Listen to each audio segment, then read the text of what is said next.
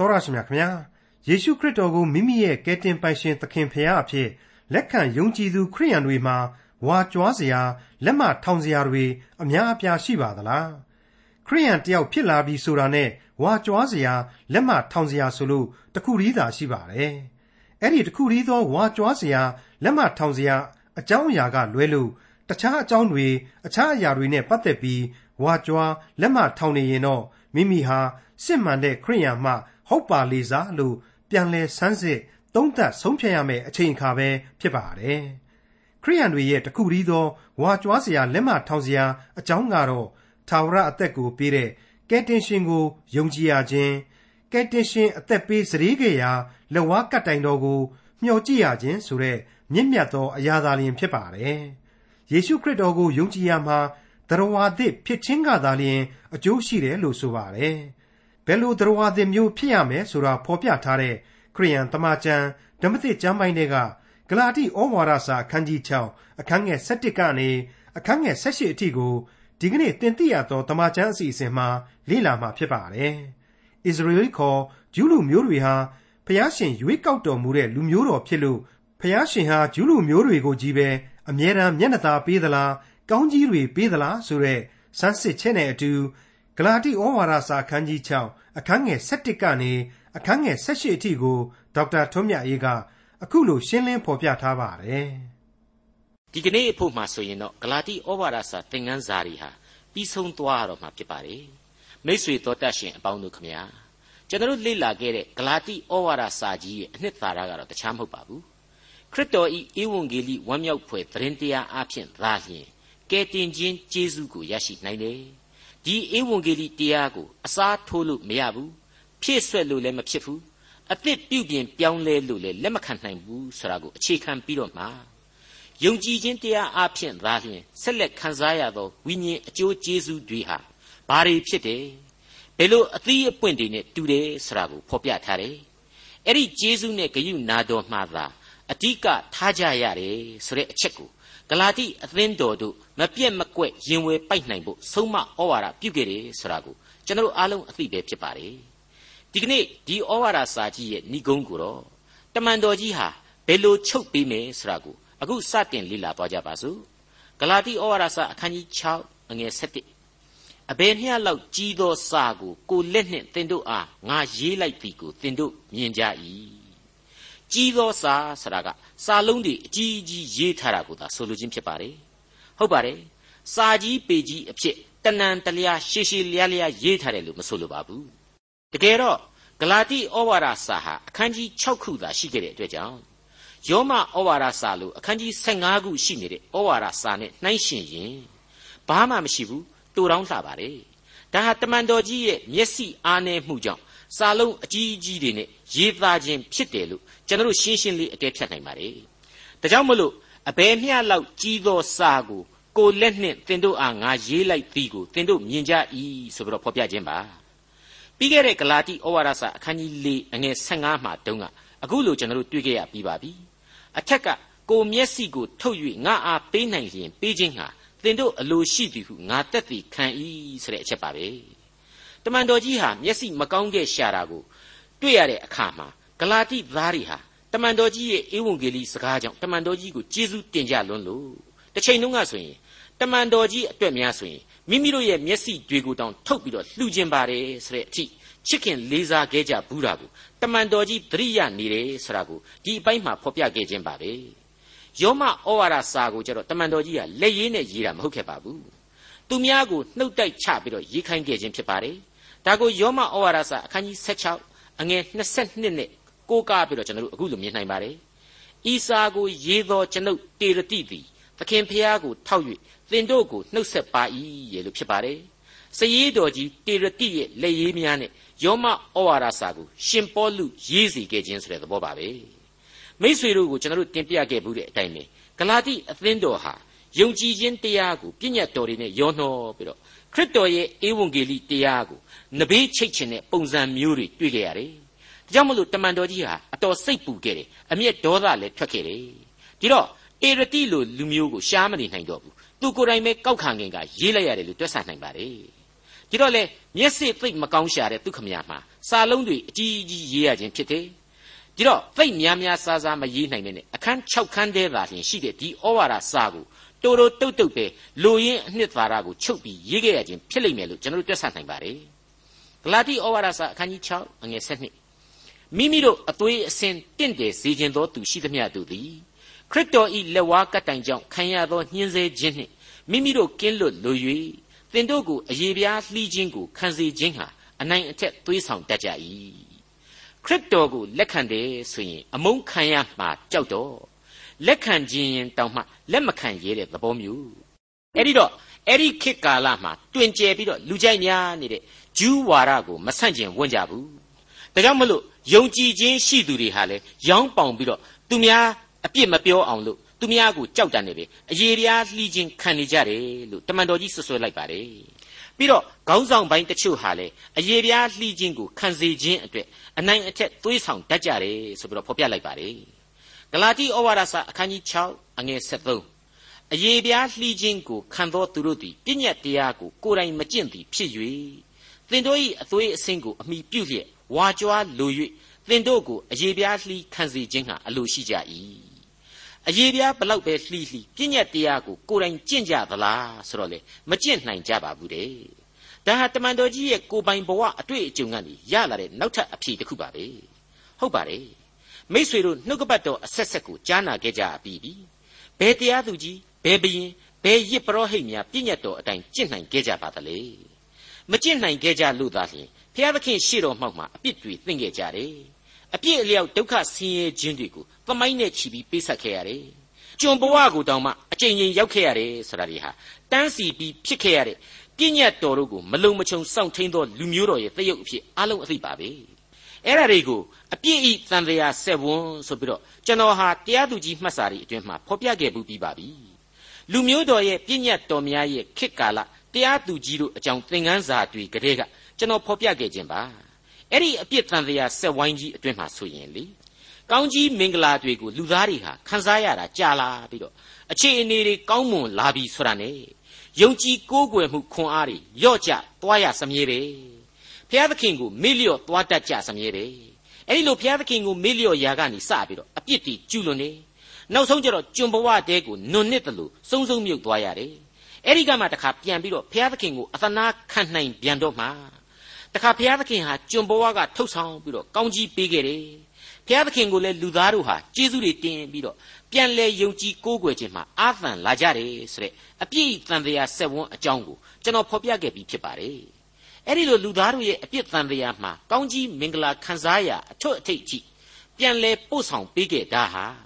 ပြည့်ညတ်တော်တွေကိုကျင့်နိုင်ကြလို့အရှင်းမဟုတ်ခဲ့ပါဘူးဘုရားသခင်ကိုအသနာခံနိုင်လွန်းလို့ ဘုရားသခင်ရဲ့ကျေးဇူးတော်နဲ့ဂရုနာတော်ကိုပြန်လဲခံစားရရှိခြင်းသာဖြစ်ခဲ့ပါတယ်ဘုရားသခင်ရဲ့ကျေးဇူးတော်ကိုပြန်လဲချီးမွမ်းရေတွက်ပြီးတော့တိုးဝင်ချင်းကပ်တဲ့အခါမှာဘုရားသခင်ဟာကျေးဇူးဂရုနာတော်တွေနဲ့ပြန်လဲရစ်ပတ်ခဲ့ခြင်းသာဖြစ်ပါတယ်ကျေးဇူးဂရုနာတော်နဲ့ကယ်တင်ခြင်းကျေးဇူးပေါ့အခုယူရလူတွေရဲ့ပြည့်ညတ်တော်တွေကိုသာအဓိကထားရမယ်ဆိုတာဟာအမှန်တော့အစဉ်အလာအတိုင်းအယူသီးနေကြခြင်းဖြစ်တယ်လို့ ဘုရားသခင်ရဲ့ကမ္ဘာလောကတစ်ခုလုံးနဲ့သက်ဆိုင်တဲ့ကယ်တင်ခြင်းတရားတော်ကိုညှင့်ပယ်ခြင်းဘုရားသခင်ဆိုတာဟာသူတို့လူမျိုးနဲ့သာဆိုင်နေဆိုတဲ့မာမာနကနေပြီးတော့ဘုရားသခင်ကိုလူမျိုးတစုကသာပိုင်ဆိုင်တယ်ဆိုတဲ့အလွန်ကျင်းမြောင်းတဲ့သဘောမျိုးခံယူကြခြင်းပဲဖြစ်ပါတယ်မိတ်ဆွေအပေါင်းတို့ခမညာအဲ့ဒီလိုဂျူးသို့မဟုတ်ယူဒာဟာပြည့်ညတ်တော်အတိုင်းကျင့်နိုင်ကြလွန်းလို့ဘုရားသခင်ဟာသူတို့ကိုကြီးပဲကောင်းကြီးတွေပေးသလားသူတို့ကိုကြီးပဲမျက်နှာသာပေးသလားများတွေးကြည့်ရင်ဓမ္မသမိုင်းမှာကောကပ္ပသမိုင်းမှာပါ အင်မတန်ရည်စရာကောင်းတဲ့အဖြေကိုသာရရှိကြမှာအမှန်ပါပဲရုပ်ဘဝအခြေအနေတိုးတက်မှုရှုထောင့်ကနေသာကြည့်မယ်ဆိုရင်သူ့ကိုကျွန်ပြုတ်ခဲ့တဲ့အီဂျစ်နိုင်ငံအစီးရီးယားလို့ခေါ်တဲ့အာရှုရိနိုင်ငံရှုရိနိုင်ငံကြီးတွေရဲ့သမိုင်းကဘာဘူးလုံနိုင်ငံပြီးတော့ခေါမာလို့ခေါ်တဲ့ Greek နိုင်ငံပေါလုခေတ်ကယ်တင်ရှင်သခင်ခရစ်တော်ရဲ့အချိန်ကာလအထိတွင်ကျယ်နေစေရှိနေတဲ့ယောမ Empire ကြီးတို့ဟာ သူတို့ဣသရေလတဲ့သာခဲ့လို့သူတို့ကိုကြုံပြုနိုင်ခြင်းဖြစ်တယ်ဆိုတာဟာရှင်းနေတယ်မဟုတ်ဘူးလားအခုလောလောဆယ်သူတို့ကိုလွှမ်းမိုးနေတဲ့ယောမရေသူတို့ကိုရန်ပြုတ်နေတဲ့အတိတ်ကာလတုန်းကကျွန်တောင်လုခဲ့တဲ့အီဂျစ်တို့အစီးရီးယားတို့နိုင်ငံကြီးတွေရဲ့အကြောင်းကိုပြန်စဉ်းစားကြည့်ဒီနိုင်ငံကြီးတွေဟာအဲ့ဒီခေတ်မှာပြည့်ညတ်တော်10ပါးကိုသိလည်းမသိဓမ္မဟောင်းကျမ်းတွေကိုလည်းဖတ်တောင်ဖတ်ခဲ့ကြဘူးလိမ့်မယ်မဟုတ်ပါဘူးသူတို့ဟာသူတို့ရဲ့ထင်မိထင်ရနတ်ကဘာမှာသာကျင်လည်နေခဲ့ကြမှာအမှန်ပဲဖြစ်ခဲ့ပါလေအမှန်စင်စစ် ဂျူးကိုဘုရားသခင်ရွေးကောက်တယ်ကောင်းကြီးပေးတယ်ဆိုတာဟာသူ့အကြောင်းနဲ့သူရှိပါတယ်အဲ့ဒါကတော့အလွန်ခိုင်ကန့်တဲ့သူ့ရဲ့ကျေးဇူးတော်နဲ့ဂရုနာတော်ကိုဒီလူမျိုးတော်ရဲ့သမိုင်းဇက်ခုံပေါ်ကအဖြစ်အပျက်တွေအားဖြင့်ကျွန်တော်ကဘာသူကဘာသားလူသားများအားလုံးကိုကျေးဇူးပြုတော်မူဖို့ဖြစ်တယ်သူ့ကိုကိုးကွယ်ယုံကြည်စေဖို့ပဲဖြစ်ပါတယ်ဟုတ်ပါတယ်အာဗြဟံအချိန်ကာလကလေးကဘုရားသခင်ဂရိပေးခဲ့တယ်မဟုတ်ဘူးလား မင်းအားဖြင့်လူမျိုးတကာတို့ကိုငါကောင်းကြီးပေးမည်တဲ့အင်မတန်တိကျခိုင်လုံပြတ်သားတဲ့ပြည်ညင်ပါတကယ်တော့ဂျူးလူမျိုးဖြစ်စေဟေလသခေါ် Greek ဖြစ်စေတရုတ်ဖြစ်စေရုရှားဖြစ်စေဂျပန်ဖြစ်စေအာဖရိကတော်ရင်သားပဲဖြစ်စေသူတို့ကဘုရားသခင်ကိုသိသိမသိသိသူ့သမိုင်းနဲ့သူဘုရားသခင်ဟာကောင်းကြီးတွေဝေပေးခဲ့တာကြီးပဲဖြစ်ပါလေပေးခဲ့လို့လေအိန္ဒုမြစ်ဝှမ်းယဉ်ကျေးမှုတို့ မြစ်ဝါမြစ်ဝှမ်းယဉ်ကျေးမှုတို့နားမြစ်ဝှမ်းယဉ်ကျေးမှုတို့ဆိုတဲ့ယဉ်ကျေးမှုကြီးတွေနဲ့အတူနိုင်ငံတော်ကြီးတွေလူမျိုးစုကြီးတွေဟာလေဒီမောရှိခေပြည့်ညတ်တော်မရှိခင်ကတည်းကအဆက်ဆက်သောသမိုင်းမှာသူတို့သဘာဝနဲ့သူတို့လှခဲ့ကြပတ်ခဲ့ကြတယ်ဆိုတာကိုတွေ့ရပါတယ်ဒါကိုဘယ်သမိုင်းပညာရှင်နဲ့ကမ္ဘာသမိုင်းစာသင်သားတို့ကမှညင်းလို့မရနိုင်မှာအသေးချပါပဲအခုယူတာတွေဂျူးတွေကိုကိုကိုရွေးကောက်တော်မူသောလူမျိုးတော်ဘာကယ်တင်ကြီးကျေးဇူးတော်လဲ ဘာခရစ်တော်လဲဆိုပြီးတော့ပြည့်ညတ်တော်တွေကိုသာဗဟုပြုတယ်လို့ပြောနေကြတယ်ပါဇက်ကဘလောက်ပဲဗဟုပြုနေနေအယေပြားလှီးတာရစ်ပူဇော်တာလောက်ကိုသာသူတို့ကပြည့်စုံနေပြီထင်နေကြတာ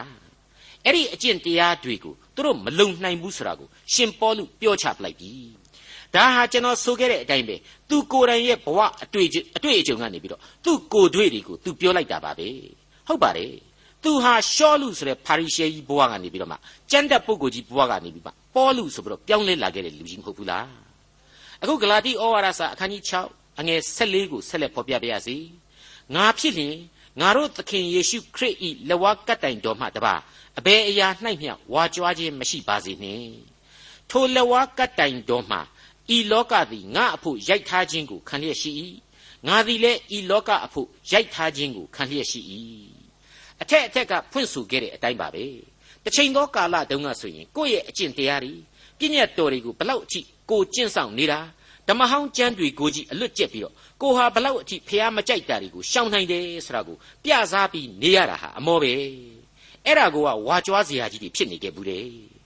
ကိုကကိုကိုကိုကောင်းတဲ့ချင်းလေးတပားသူဟာကိုလောက်မကောင်းဘူးဆိုတဲ့အထင်တွေဟာကိုကိုလွှမ်းမိုးလာလီလေးနဲ့ပဲအချိန်တွေလင့်ခဲ့တယ်အခုတော့အဲ့ဒီခေတ်ကုန်ပြီ ကိုဆိုတဲ့အပြစ်သားအတွက်ထာဝရအသက်ကိုရရှိစေသောသခင်ကိုယုံကြည်ရခြင်းသခင်ရဲ့အသက်သွေးကိုစရိယာကားတိုင်တော်ကိုမျှော်ကြည့်ရခြင်းဆိုတဲ့မြင့်မြတ်သောအရာမှတပါငါအဖို့ဘာမှအလေးအနက်မရှိတော့ဘူးကိုဘဝမှာဒါကလေးတစ်ခုကလွဲလို့တခြားကြွားဝါနေစရာလက်မထောင်နေစရာအကြောင်းတွေဘာမှမရှိတော့ဘူးဆိုတဲ့ရင်တွင်းခံစားချက်များနဲ့တမန်တော်ကြီးဖော်ပြနေခြင်းဖြစ်ပါတယ်လောကဆွဲလန်းခြင်းတွေ အသွေးအသားရမက်တွေစာရမဏေရဲ့ဆွဲဆောင်မှုတွေအကုန်လုံးကိုလေကားတိုင်းတော်ပေါ်မှာအကုန်အနှင်းလိုက်တယ်အဲ့ဒီခါမှာငါရဲ့ဘဝကိုယ်တိုင်ဟာကားတိုင်းမှာအကျွင်းမဲ့အနှံခြင်းခံလိုက်ရတယ်လို့ငါအသက်တာကြီးတစ်ခုလုံးဟာလေဒီလောကမှာခရစ်တော်ကိုလူသားတွေလက်ခံနိုင်ဖို့အတွက်ဆက်ကပ်ရာရစ်ကောင်လိုဖြစ်သွားရပြီတဲ့သူတော်တာသူတက်တာသူစွန်းဆောင်ရည်ရှိတာဉာဏ်ပညာကောင်းတာယုံကြည်ခြင်းကြီးမားတာဆိုတာဒီတစ်ချက်မှမပါဝင်ပါဘူး ယေရှုရဲ့ကျေးဇူးတော်မှာအခြေခံတယ်ယေရှုနဲ့အတူအသေးခံတယ်ယေရှု၌သာခင်ဤလောကအတွက်အသက်ရှင်ရာပူဇော်သက်ကဖြစ်ခဲ့ရတယ်ဆိုတာတွေကိုတမန်တော်ကြီးရှင်ပေါလုဖော်ပြလိုက်ပါတယ်ဂလာတိဩဝါဒစာအခန်းကြီး6အငယ်15အကြောင်းမူကားယေရှုခရစ်ထံ၌အယေပြားလှီးခြင်းအကျိုးမရှိမခံဘဲနေခြင်းလည်းအကျိုးမရှိတတ္တဝါသစ်ဖြစ်ခြင်းသာအကျိုးရှိ၏ ဂျူးယူဒဘာသာဝင်တွေကနေပြီးတော့ခရစ်တော်ကိုအကျွင့်မဲ့ယုံကြည်ပါတယ်ဆိုပြီးတော့ခရိယန်ဖြစ်လာကြတာ ड़ी ကျေးဇူးတော်ကိုလက်ခံပါတယ်ဆိုပြီးတော့မှခရိယန်ဘာသာဝင်လာတဲ့လူတွေအစဉ်အလာအစွဲအလန့်အရာအယေတရားလှီးမှစိတ်ရှင်းမဲ့ထင်ရင်လည်းအယေတရားလှီးကြဒါပေမဲ့ခရစ်တော်ကိုယုံကြည်သူကိုခရစ်တော်ဟာအယေတရားလှီးဖို့ဆိုပြီးတော့မတောင်းဆိုဘူးဝိညာဉ်တော်၌ဗတ္တိဇံကိုခံရမယ်အသစ်မွေးဖွားရမယ်ဆိုပြီးတော့သာအခိုင်အမာမှားကြားထားတယ်ဒါကြောင့် တတ္တဝါအသစ်ဖြစ်ခြင်းကသာအဓိကဖြစ်တယ်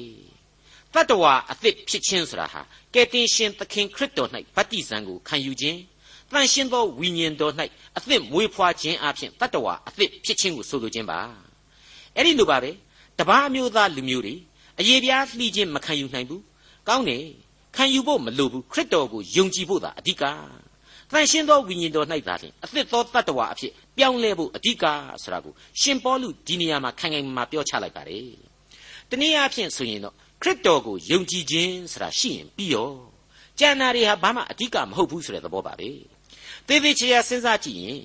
ယုံကြည်ခြင်းတရားဆိုတာဟာအပြိုင်ရောင်းချရတဲ့ကုန်ပစ္စည်းသဘောမျိုးမဟုတ်ပါဘူး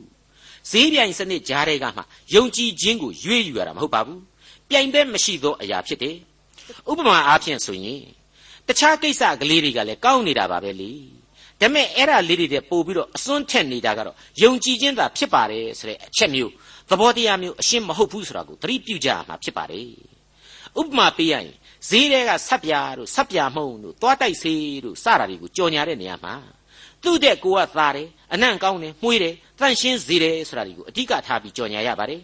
ကိုကြိုက်တာကိုကိုဖာသာကိုအဲ့ဒီကြော်ညာတွေကြည့်ပြီးရွေးရပါတယ် မကောင်းဘူးထင်ရင်နောက်တစ်မျိုးပြောင်းပြီးတော့ဝယ်ယူသုံးဆွဲရပါတယ်အဲ့ဒီသဘောမျိုးတွေရှိပါတယ်ဒါကဈေးကွက်ထဲကဈေးပြိုင်သဘောမျိုးရောင်းချတဲ့ပစ္စည်းတွေကိုကျွန်တော်ကဖော်ပြခြင်းပါကယ်တင်ရှင်သခင်ခရစ်တော်ကိုယုံကြည်ခြင်းဆိုတာကတော့ဒါနဲ့ဘာမှမဆိုင်တော့ဘူးမနှိုင်းရှင်အပ်ပေမဲ့အဲ့ဒီလိုရုပ်ပစ္စည်းတစ်ခုအနေနဲ့ကျွန်တော်ကအစားထိုးပြီးတင်ပြရမယ်ဆိုရင်တော့ယုံကြည်ခြင်းရှိကြပါသင်အတွက်ယခုဘဝနောင်ကာလဘာမှပူစရာမရှိတဲ့ကယ်တင်ရှင်ကျေးဇူးတော်အားဖြင့် ထာဝရအသက်ကိုရရှိရမည်ဆိုတာကိုတစ်ချက်တည်းနဲ့ပြီးမြောက်အောင်ဟစ်ကြွေးလိုက်ယုံသာရှိတဲ့ကယ်တင်ခြင်းကျေးဇူးတော်အကြောင်းကိုအခြားနှိုင်းရနတ္တိဘာမျှမရှိဘူးဆိုပြီးတော့ရှင်ပေါလုသိစီလိုက်ခြင်းပဲဖြစ်ပါတယ်ဟုတ်ပါတယ်အရေးပြားလှီးကြအကြေးပါတဲ့ငါကိုပဲစားကြဝက်သားယုံသားအသားစားငှက်တွေကိုမစားကြနဲ့ဆိုတာတွေဟာလူတွေရဲ့ရုပ်ခန္ဓာဘဝတရုပ်သကံတွေကိုမူတည်ပြီးတော့ဘုရားသခင်အကဲဖြတ်လို့ရတဲ့ပြရုပ်အကျင့်တွေသာဖြစ်ပါတယ် အဲ့ဒီဓမ္မဟောင်းကာလမှာကလေးကယုံကြည်ခြင်းအဖြစ်သာလျှင်ကယ်တင်ခြင်းကျေးဇူးကိုရရှိနိုင်ကြောင်းအထက်ထပ်ဖော်ပြခဲ့ပြီးဖြစ်ပါတယ်မိတ်ဆွေအပေါင်းတို့ခမညာဓမ္မဟောင်းကာလအချိန်တည်းကလူအဖွဲ့အစည်းဖို့ကယ်တင်ခြင်းအတွက်မျှော်လင့်နိုင်ရန်တခုတည်းသောလမ်းဟာဘုရားသခင်ရဲ့ကျေးဇူးဂရုနာတော်သာလျှင်ဖြစ်တယ်ဆိုတာကိုကျွန်တော်တို့စွဲမှတ်ထားဖို့အထူးပဲအရေးကြီးလာပါတယ်ဂလာတိဩဝါဒစာအခန်းကြီး6အငယ်16နဲ့18 ဤနီးဥပရိသအတိုင်းကျင့်တော်သူရှိသမျှတို့အပေါ်၌၎င်းဖျားသခင်ဤဣသရေလအမျိုးအပေါ်၌၎င်းငြိမ်သက်ခြင်းနှင့်တနာတော်မူခြင်းသက်ရောက်ပါစေသောယခုမှစ၍အဘယ်သူမျှငါ့ကိုမနှောက်ယှက်စေနှင့်ငါကို၌သခင်ယေရှု၏ဒဏ်ချက်ကိုငါဆောင်၏ဤနီးဥပရိသအတိုင်းကျင့်တော်သူရှိသမျှတို့အပေါ်သို့၎င်းဖျားသခင်ဣသရေလအမျိုးအပေါ်၌၎င်းဆိုတာနဲ့ပတ်သက်ပြီးတော့အယူအဆအမျိုးမျိုးတွေးခေါ်ကြပါတယ်တမန်တော်ကြီးဟာ သူပြစ်တင်ရှုံချခဲ့တဲ့ပြည့်ညတ်တော်သမားနီးဥပရိသတွေကိုခရစ်တော်တဲ့ပို့ပြီးအလေးပေးတဲ့လူသားတွေအပေါ်မှာလည်းကောင်းကြီးပေးတယ်ဆိုပြီးတော့ခံယူကြတာတွေရှိပါတယ်ဒါကမြန်မာနိုင်ငံခရစ်ယာန်အသင်းတော်ဆိုတဲ့ Anglican အသင်းတော်တို့ကအသုံးပြုတဲ့သမာကျမ်းကဖော်ပြတဲ့နေရာမှာကြတော့ဘုရားသခင်ဤဣသရေလလူမျိုးဖြစ်သူဤနီလန်အတိုင်းရှောက်လိုက်သမျှသောသူတို့အပေါ်၌ဆိုပြီးတော့ဖော်ပြပါတယ်ဒီတော့အထက်ကဖော်ပြခဲ့တဲ့အယေပြားလှီခံသည်ဖြစ်စီမခံသည်ဖြစ်စီ ခရစ်တော်၌ယုံကြည်ခြင်းရှိသောသူအလုံးအတွက်သူရည်စူးပြီးတော့ဆုတောင်းပေးလိုက်ခြင်းပဲဆိုတဲ့အဖြေပေါ်လာပါတယ်ဣသရေလအမျိုးအပေါ်၌၎င်းဆရာဟာအလွန်ကျယ်ဝန်းတဲ့အတိတ်ပဲရှိပါတယ်ယုံကြည်သူအလုံးအပေါ်မှာခြုံငုံသုံးဆွဲတဲ့ရှေးခေတ်ဝေါ်ဟာရဖြစ်ပါတယ်ယုံကြည်သူတိုင်းတို့ဟာအာဗြဟံ၏သားသမီးများဖြစ်ကြတယ်ဆိုတဲ့အချက်ကိုပြန်ပြီးတော့အစဖော်ပေးလိုက်တဲ့အတူတူပါပဲကျွန်တော်အထက်ထက်ရှင်းပြခဲ့တဲ့အတိုင်းပဲအာဗြဟံဆိုတာဟာဣသရေလကြီးတယောက်အရှင်းမဟုတ်ခဲ့သေးသလို သူကနေဆင်းသက်တဲ့လူမျိုးတို့ဟာလေအဓိကအားဖြင့်ဘုရားသခင်ရွေးကောက်တဲ့ဣသရေလသာမဟုတ်အာရဗ်လူမျိုးစုပေါင်းများစွာလဲပါဝင်ခဲ့တယ်ဆိုတာကိုကျွန်တော်တို့သတိပြုထားကြရပါလိမ့်မယ်ဒီလိုရှင်းပြရတာကတော့တခြားကြောင့်မဟုတ်ပါဘူး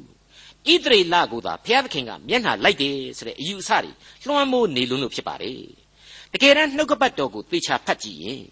ဣသရေလဆရာဟာဓမ္မသမိုင်းအတွက်ရွေးကောက်တော်မူသောလူမျိုးဖြစ်တယ်ဆိုတာမငြင်းနိုင်ဘူး ကယ်တင်ရှင်တရားကိုထင်ရှားစေဖို့အတွက်ဘုရားသခင်အသုံးပြုတော်မူသောလူမျိုးတော်ဖြစ်တယ်ဆိုတာလည်းမငြင်းနိုင်ဘူးလူသမိုင်းအတွက်အချက်အချာနေရာမှာသူ့ကိုတက်ပေတီထင်ရှားစေခဲ့တယ်ဆိုတာဟာလေအမှန်တရားဒါကြောင့်လေဒီလူမျိုးတော်ဣသရီလကနေတဆင့်ပြည့်ညတ်တော်တွေဆိုတာကိုချထားပေးခဲ့တယ်လို့အဲ့ဒီလူမျိုးတော်ကနေပြီးတော့ပဲကယ်တင်ရှင်သခင်ခရစ်တော်ကိုဖွားမြင်စေခဲ့တာဖြစ်တယ်ဆိုတာကိုကျွန်တော်ရှင်းရှင်းကလေးပဲသိနိုင်ပါတယ်။ ဘာပဲဖြစ်ဖြစ်လူသားတဦးချင်းအနေနဲ့ထုပြီးတော့သူ့ကိုမျက်နှာလိုက်တယ်ဆိုတာဘယ်နေရာမှမရှိပါဘူး။လူသားမှန်သမျှဟာအတူတူပဲအပြစ်ရှိပြီးတော့အတူတူပဲဒီအပြစ်တရားကနေကယ်တင်ခြင်းတရားကိုမျှော်တရတာကြီးပဲဖြစ်ပါတယ်။ဒီတော့ဘုရားသခင်ရဲ့ရွေးကောက်တော်မူသောလူမျိုးဆိုတာဟာဘုရားသခင်ကိုချစ်တော်သူကယ်တင်ရှင်သခင်ခရစ်တော်အဖင်ဘုရားသခင်ရဲ့ကောင်းကင်နိုင်ငံတော်ကိုအမွေကိုခံနိုင်သောသူများကိုသာ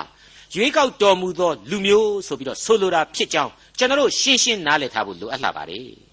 ရှင်ပေါလုကနေပြီးတော့ငါခန္ဓာကိုယ်ပေါ်မှာခရစ်တော်ရဲ့ဒဏ်ရာဒဏ်ချက်တွေကိုဆောင်ယူထားတယ်ဆိုတာနဲ့ပတ်သက်ပြီးတော့လေအတိတ်ပဲသေချာနားလည်နိုင်ဖို့အတွက်ကောရိန္သုဩဝါဒစာဒုတိယစာဆောင်အခန်းကြီး7အငယ်23ကနေ28ကိုပြန်ပြီးတော့ကြည့်ပြင်ပါလေသူတို့သည်ခရစ်တော်၏ဓမ္မဆရာဖြစ်ကြသလောငါသည်အထူးသဖြင့်ဖြစ်၏ဟုသူယူခဲ့သို့ဆိုရ၏ပင်ပန်းစွာအမှုကိုအထူးသဖြင့်ဆောင်ရွက်တော်သူရိုက်ပုတ်ခြင်း ထောင်ထဲ၌လှောင်ထားခြင်းကိုအထူးသဖြင့်ခံရတော်သူသေဘေးနှင့်အကြိမ်ကြိမ်တွေ့ကြုံတော်သူဖြစ်၏ငါးကြိမ်မြောက်အောင်ယူဒလူတို့လက်တွင်ဒဏ်ချက်40တခုရုပ်ငါခံခဲ့ရပြီသုံးကြိမ်မြောက်အောင်ကြိမ်လုံးနှင့်ရိုက်ခြင်းကို၎င်းတစ်ကြိမ်ခဲနှင့်ပြစ်ခြင်းကို၎င်းငါခံရပြီသုံးကြိမ်မြောက်အောင်သင်္ဘောပြစ်ခြင်းကိုခံရပြီတနေ့နေ့တညပတ်လုံးပင်လယ်ထဲမှာနေရပြီအကြိမ်ကြိမ်ဒေသစာကြီးလှဲ့လေပြီမြစ်ကိုကူသောဘေးဓမြတိုက်သောဘေးအမျိုးသားချင်းပြုသောဘေး တပားအမျိုးသားပြုသောဘေးမြို့ရွာ၌ရောက်သောဘေးတော၌ရောက်သောဘေးပင်လယ်ဘေးညီအကိုဖြစ်အောင်ဆောင်သောသူတို့ပြုသောဘေးဤဘေးများကိုငါတွေ့ခဲ့ပြီပင်ပန်းစွာအမှုဆောင်ရွက်ခြင်းအကြိမ်များစွာမအိပ်ဖဲစောင့်နေခြင်းမွတ်သိပ်ခြင်းရေငတ်ခြင်းအကြိမ်ကြိမ်အစာရှောင်ခြင်းအချမ်းအေးခံရခြင်းအဝတ်အချီးစီးရှိခြင်းဤဆင်းရဲခြင်းများကိုငါခံခဲ့ပြီဟုတ်ပါတယ်မိတ်ဆွေအပေါင်းတို့တမန်တော်ကြီးရှင်ပေါလုဟာကယ်တင်ခြင်းတရားအတွက် အဲ့ဒီလိုဒုက္ခဆင်းရဲခြင်းဝေဒနာအမျိုးမျိုးကိုခံခဲ့ရပါတယ်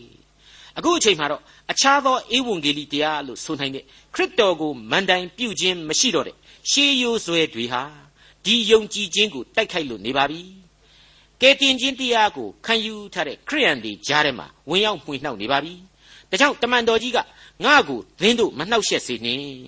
ငါခရစ်တော်အတွက်ဘဝကိုပေးဆက်ပြီးတော့ခရစ်တော်ရဲ့ဒဏ်ချက်များကိုခံယူပြီးတော့စစ်မှန်တဲ့ဧဝံဂေလိတရားကို ဟောကြားခဲ့တဲ့လူဆိုပြီးတော့ဖော်ပြလိုက်ခြင်းပဲဖြစ်ပါတယ်မိတ်ဆွေအပေါင်းတို့ခရစ်တော်ရဲ့ဒဏ်ရာဒဏ်ချက်ဆိုတာကိုအခုကျွန်တော်တို့ခေတ်မှာဘယ်လိုဆောင်ယူနိုင်သလဲဆိုတာမေးစရာပေါ်လာပါတယ်ရှေးခေတ်တုန်းကတမန်တော်ကြီးရဲ့ပုံစံအတိုင်းမူသေးဆွဲယူရမယ်လို့မထင်သင့်ပါဘူးခရစ်တော်ပြုစေလိုသောအရာတွေဟာခေတ်စနစ်တို့နဲ့အညီမရေမတွက်နိုင်အောင်ရှိနေတယ်လို့ကျွန်တော်မြင်နိုင်ပါတယ်မိမိတို့၏အသက်တာအသီးအသီးကို တန်ရှင်းသောဝိညာဉ်တော်အဖြစ်ပြစ်မှောင်မိုက်ကဘာအတွင်းကအလင်းရောင်များလို့ရှင်သန်ပေးခြင်းအဖြစ်ဒီမှောင်မိုက်ခြင်းကိုတွန်းလှန်သွားရမယ်တပားသူတို့အနစ်နာမခံနိုင်တဲ့မေတ္တာလုပ်ငန်းတွေကိုကြိုးစွန့်ဝန်ထမ်းလုပ်ငန်းတွေမှာပါဝင်ဆောင်ရွက်သွားကြရလိမ့်မယ်လို့ကျွန်တော်တင်ပြလိုပါတယ်ခရစ်တော်ကိုယုံကြည်တဲ့ခရိယန်တော့မှန်ပါရဲ့ယုံကြည်ခြင်းရဲ့အမှတ်တညာရှိဖို့ဆိုတာဟာလေလိုသေးတယ်ဒါကိုခရစ်တော်ရဲ့ဒဏ်ကျဲဆိုပြီးတော့တမန်တော်ကြီးဖော်ပြလိုက်တာဟာသူခေတ်ရဲ့ဝေါ်ဟာရဖြစ်ပေမဲ့ အနှစ်သာရအရာကတော့ယုံကြည်ခြင်းတရားကိုလူသားတိုင်းသက်သေထင်ရှားစေနိုင်ဖို့ကျွန်တော်အတွက်ဆုံးမဩဝါဒပြုလိုက်ခြင်းဖြစ်ကြောင်းတင်ပြလိုက်ပါရစေဒါဟာအမှန်တော့လူတယောက်ချင်းကြီးမဟုတ်သေးပါဘူးနော်အသင်းတော်ကြီးတွေနာမတော်အတွက်ဥတီဖွဲ့စည်းထားတဲ့အဖွဲ့အစည်းကြီးတွေအတွက်လေဒီသဘောတရားအတိုင်းအကျုံးဝင်ပါတယ်ခရိယန်ဆေးရုံဆိုပါတော့လူနာတွေနဲ့ဆက်ဆံရမယ်စိတ်ညစ်စရာပြဿနာသမားတွေနဲ့ထိတွေ့ရမယ်အဲ့ဒီအချိန်မှာပြင်ပအဖွဲ့အစည်းတွေအတိုင်းဖြစ်နေလို့ကတော့ဘာမှမထူးဘူးပေါ့ အဲ့ဒီလိုပါပဲစီးပွားရေးတစ်ဖက်ကအကျုံးဝင်နေတဲ့ခရိယန်အဖွဲ့အစည်းကြီးတွေရှိလေအောင်မယ်ပြင်ပစီးပွားရေးလောကအတိုင်းပဲဘာနဖူးတိုက်တူးနေလို့တော့မဖြစ်နိုင်ပါဘူးသဗ္ဗယမျှတတဲ့အမှုတော်ဆောင်ခြင်းလုပ်ငန်းကိုဆောင်ရွက်ကြရလိမ့်မယ်ညာတာရတဲ့အဖွဲ့အစည်းဖြစ်ရလိမ့်မယ်မေတ္တာတရားအလင်းရောင်ကိုဖော်ပြနိုင်တဲ့အဖွဲ့အစည်းဖြစ်ရပါလိမ့်မယ်အကယ်၍သာယုံကြည်သူတို့ဖွဲ့စည်းထားတဲ့ဝန်ဆောင်အဖွဲ့အစည်းလုပ်ငန်းတစ်ခုဆိုပါတော့ပြင်ပအဖွဲ့အစည်းတဲ့ပို့ပြီးတော့သူများကိုစိတ်ချမ်းသာအောင် အဆင်ပြေအောင်ကူညီဆောင်ရွက်ပေးရလိမ့်မယ်အဲ့ဒီသဘောတရားမျိုးတွေဟာအမြောက်အများရှိနေပါလေယုံကြည်ခြင်းတရားကိုသက်သေထင်ရှားစေဖို့အတွက်တမန်တော်ကြီးပြုလိုက်တဲ့ဩဝါဒစာဟာဒီသဘောတရားကိုလေးနဲ့စွာဖော်ပြနေပါတယ်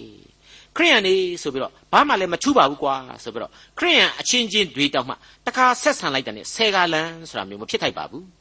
အစဉ်အဆက်ကြားရမြဲဖြစ်နေတဲ့အဲ့ဒီဝန်းနေပွဲအစဉ်အလာဇိုးကြီးတွေကိုဒီကနေ့စ조사ပယ်ဖြတ်ပြရပါမယ်။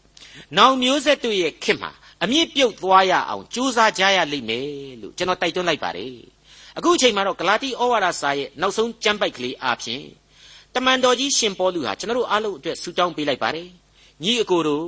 ငါတို့သခင်ယေရှုခရစ်၏ကျေးဇူးတော်သည်သင်တို့စိတ်နှလုံး၌ရှိစေတည်းအာမင်ငါတို့သခင်ယေရှုခရစ်ကျေးဇူးတော်ဆိုတဲ့ဖော်ပြချက်ဟာအခုဂလာတိဩဝါဒစာကြီးရဲ့နှလုံးသဲဖို့လို့ကျွန်တော်ဖော်ပြခြင်းပါတယ်ဟုတ်ပါတယ် ငါတို့သခင်ယေရှုခရစ်ကျေးဇူးဆိုတဲ့ဒီကျေးဇူးတော်ကြောင့်မင်းတို့ဟာအပြစ်မှလွတ်လပ်သောလူသားများဖြစ်လာခဲ့ရပြီဇာတိပဂရိအကျင့်တရားများဤလက်အောက်မှလွတ်မြောက်ရသောလူသားများဖြစ်လာခဲ့ပြီဘုရားသခင်ရဲ့အမွေကိုခံရတဲ့သားသမီးများအဖြစ်ကောင်းကင်ဘုံစည်းစိမ်ကိုခံယူရမယ့်လူသားများဖြစ်လာကြပြီအပြစ်နဲ့ဘယ်လိုပင်မကင်းနိုင်ပေမဲ့ဘုရားသခင်ကိုအဘအဖာလို့ခေါ်ဝေါ်ခွင့်ရှိသောအပြစ်သားများဖြစ်လာတယ် ဖြောက်မတ်သောသူများအဖြစ်ကယ်တင်ခြင်းကျေးဇူးကိုခံယူရမယ့်သူများလည်းဖြစ်လာကြရပါတယ်အဲ့ဒီမဟာကျေးဇူးနဲ့ဂရုနာတော်ကိုဂလာတိသားတို့နားလေခံယူမယ်ဆိုရင်ငါတို့သခင်ယေရှုခရစ်၏ကျေးဇူးတော်သည်သင်တို့စိတ်နှလုံး၌ရှိစေတည်းအာမင်ဆိုတဲ့တမန်တော်ကြီးရဲ့ဆုတောင်းဟာဒီဂလာတိသားတွေအတွက်အပြည့်အဝခံစားရမှာအမှန်ပဲ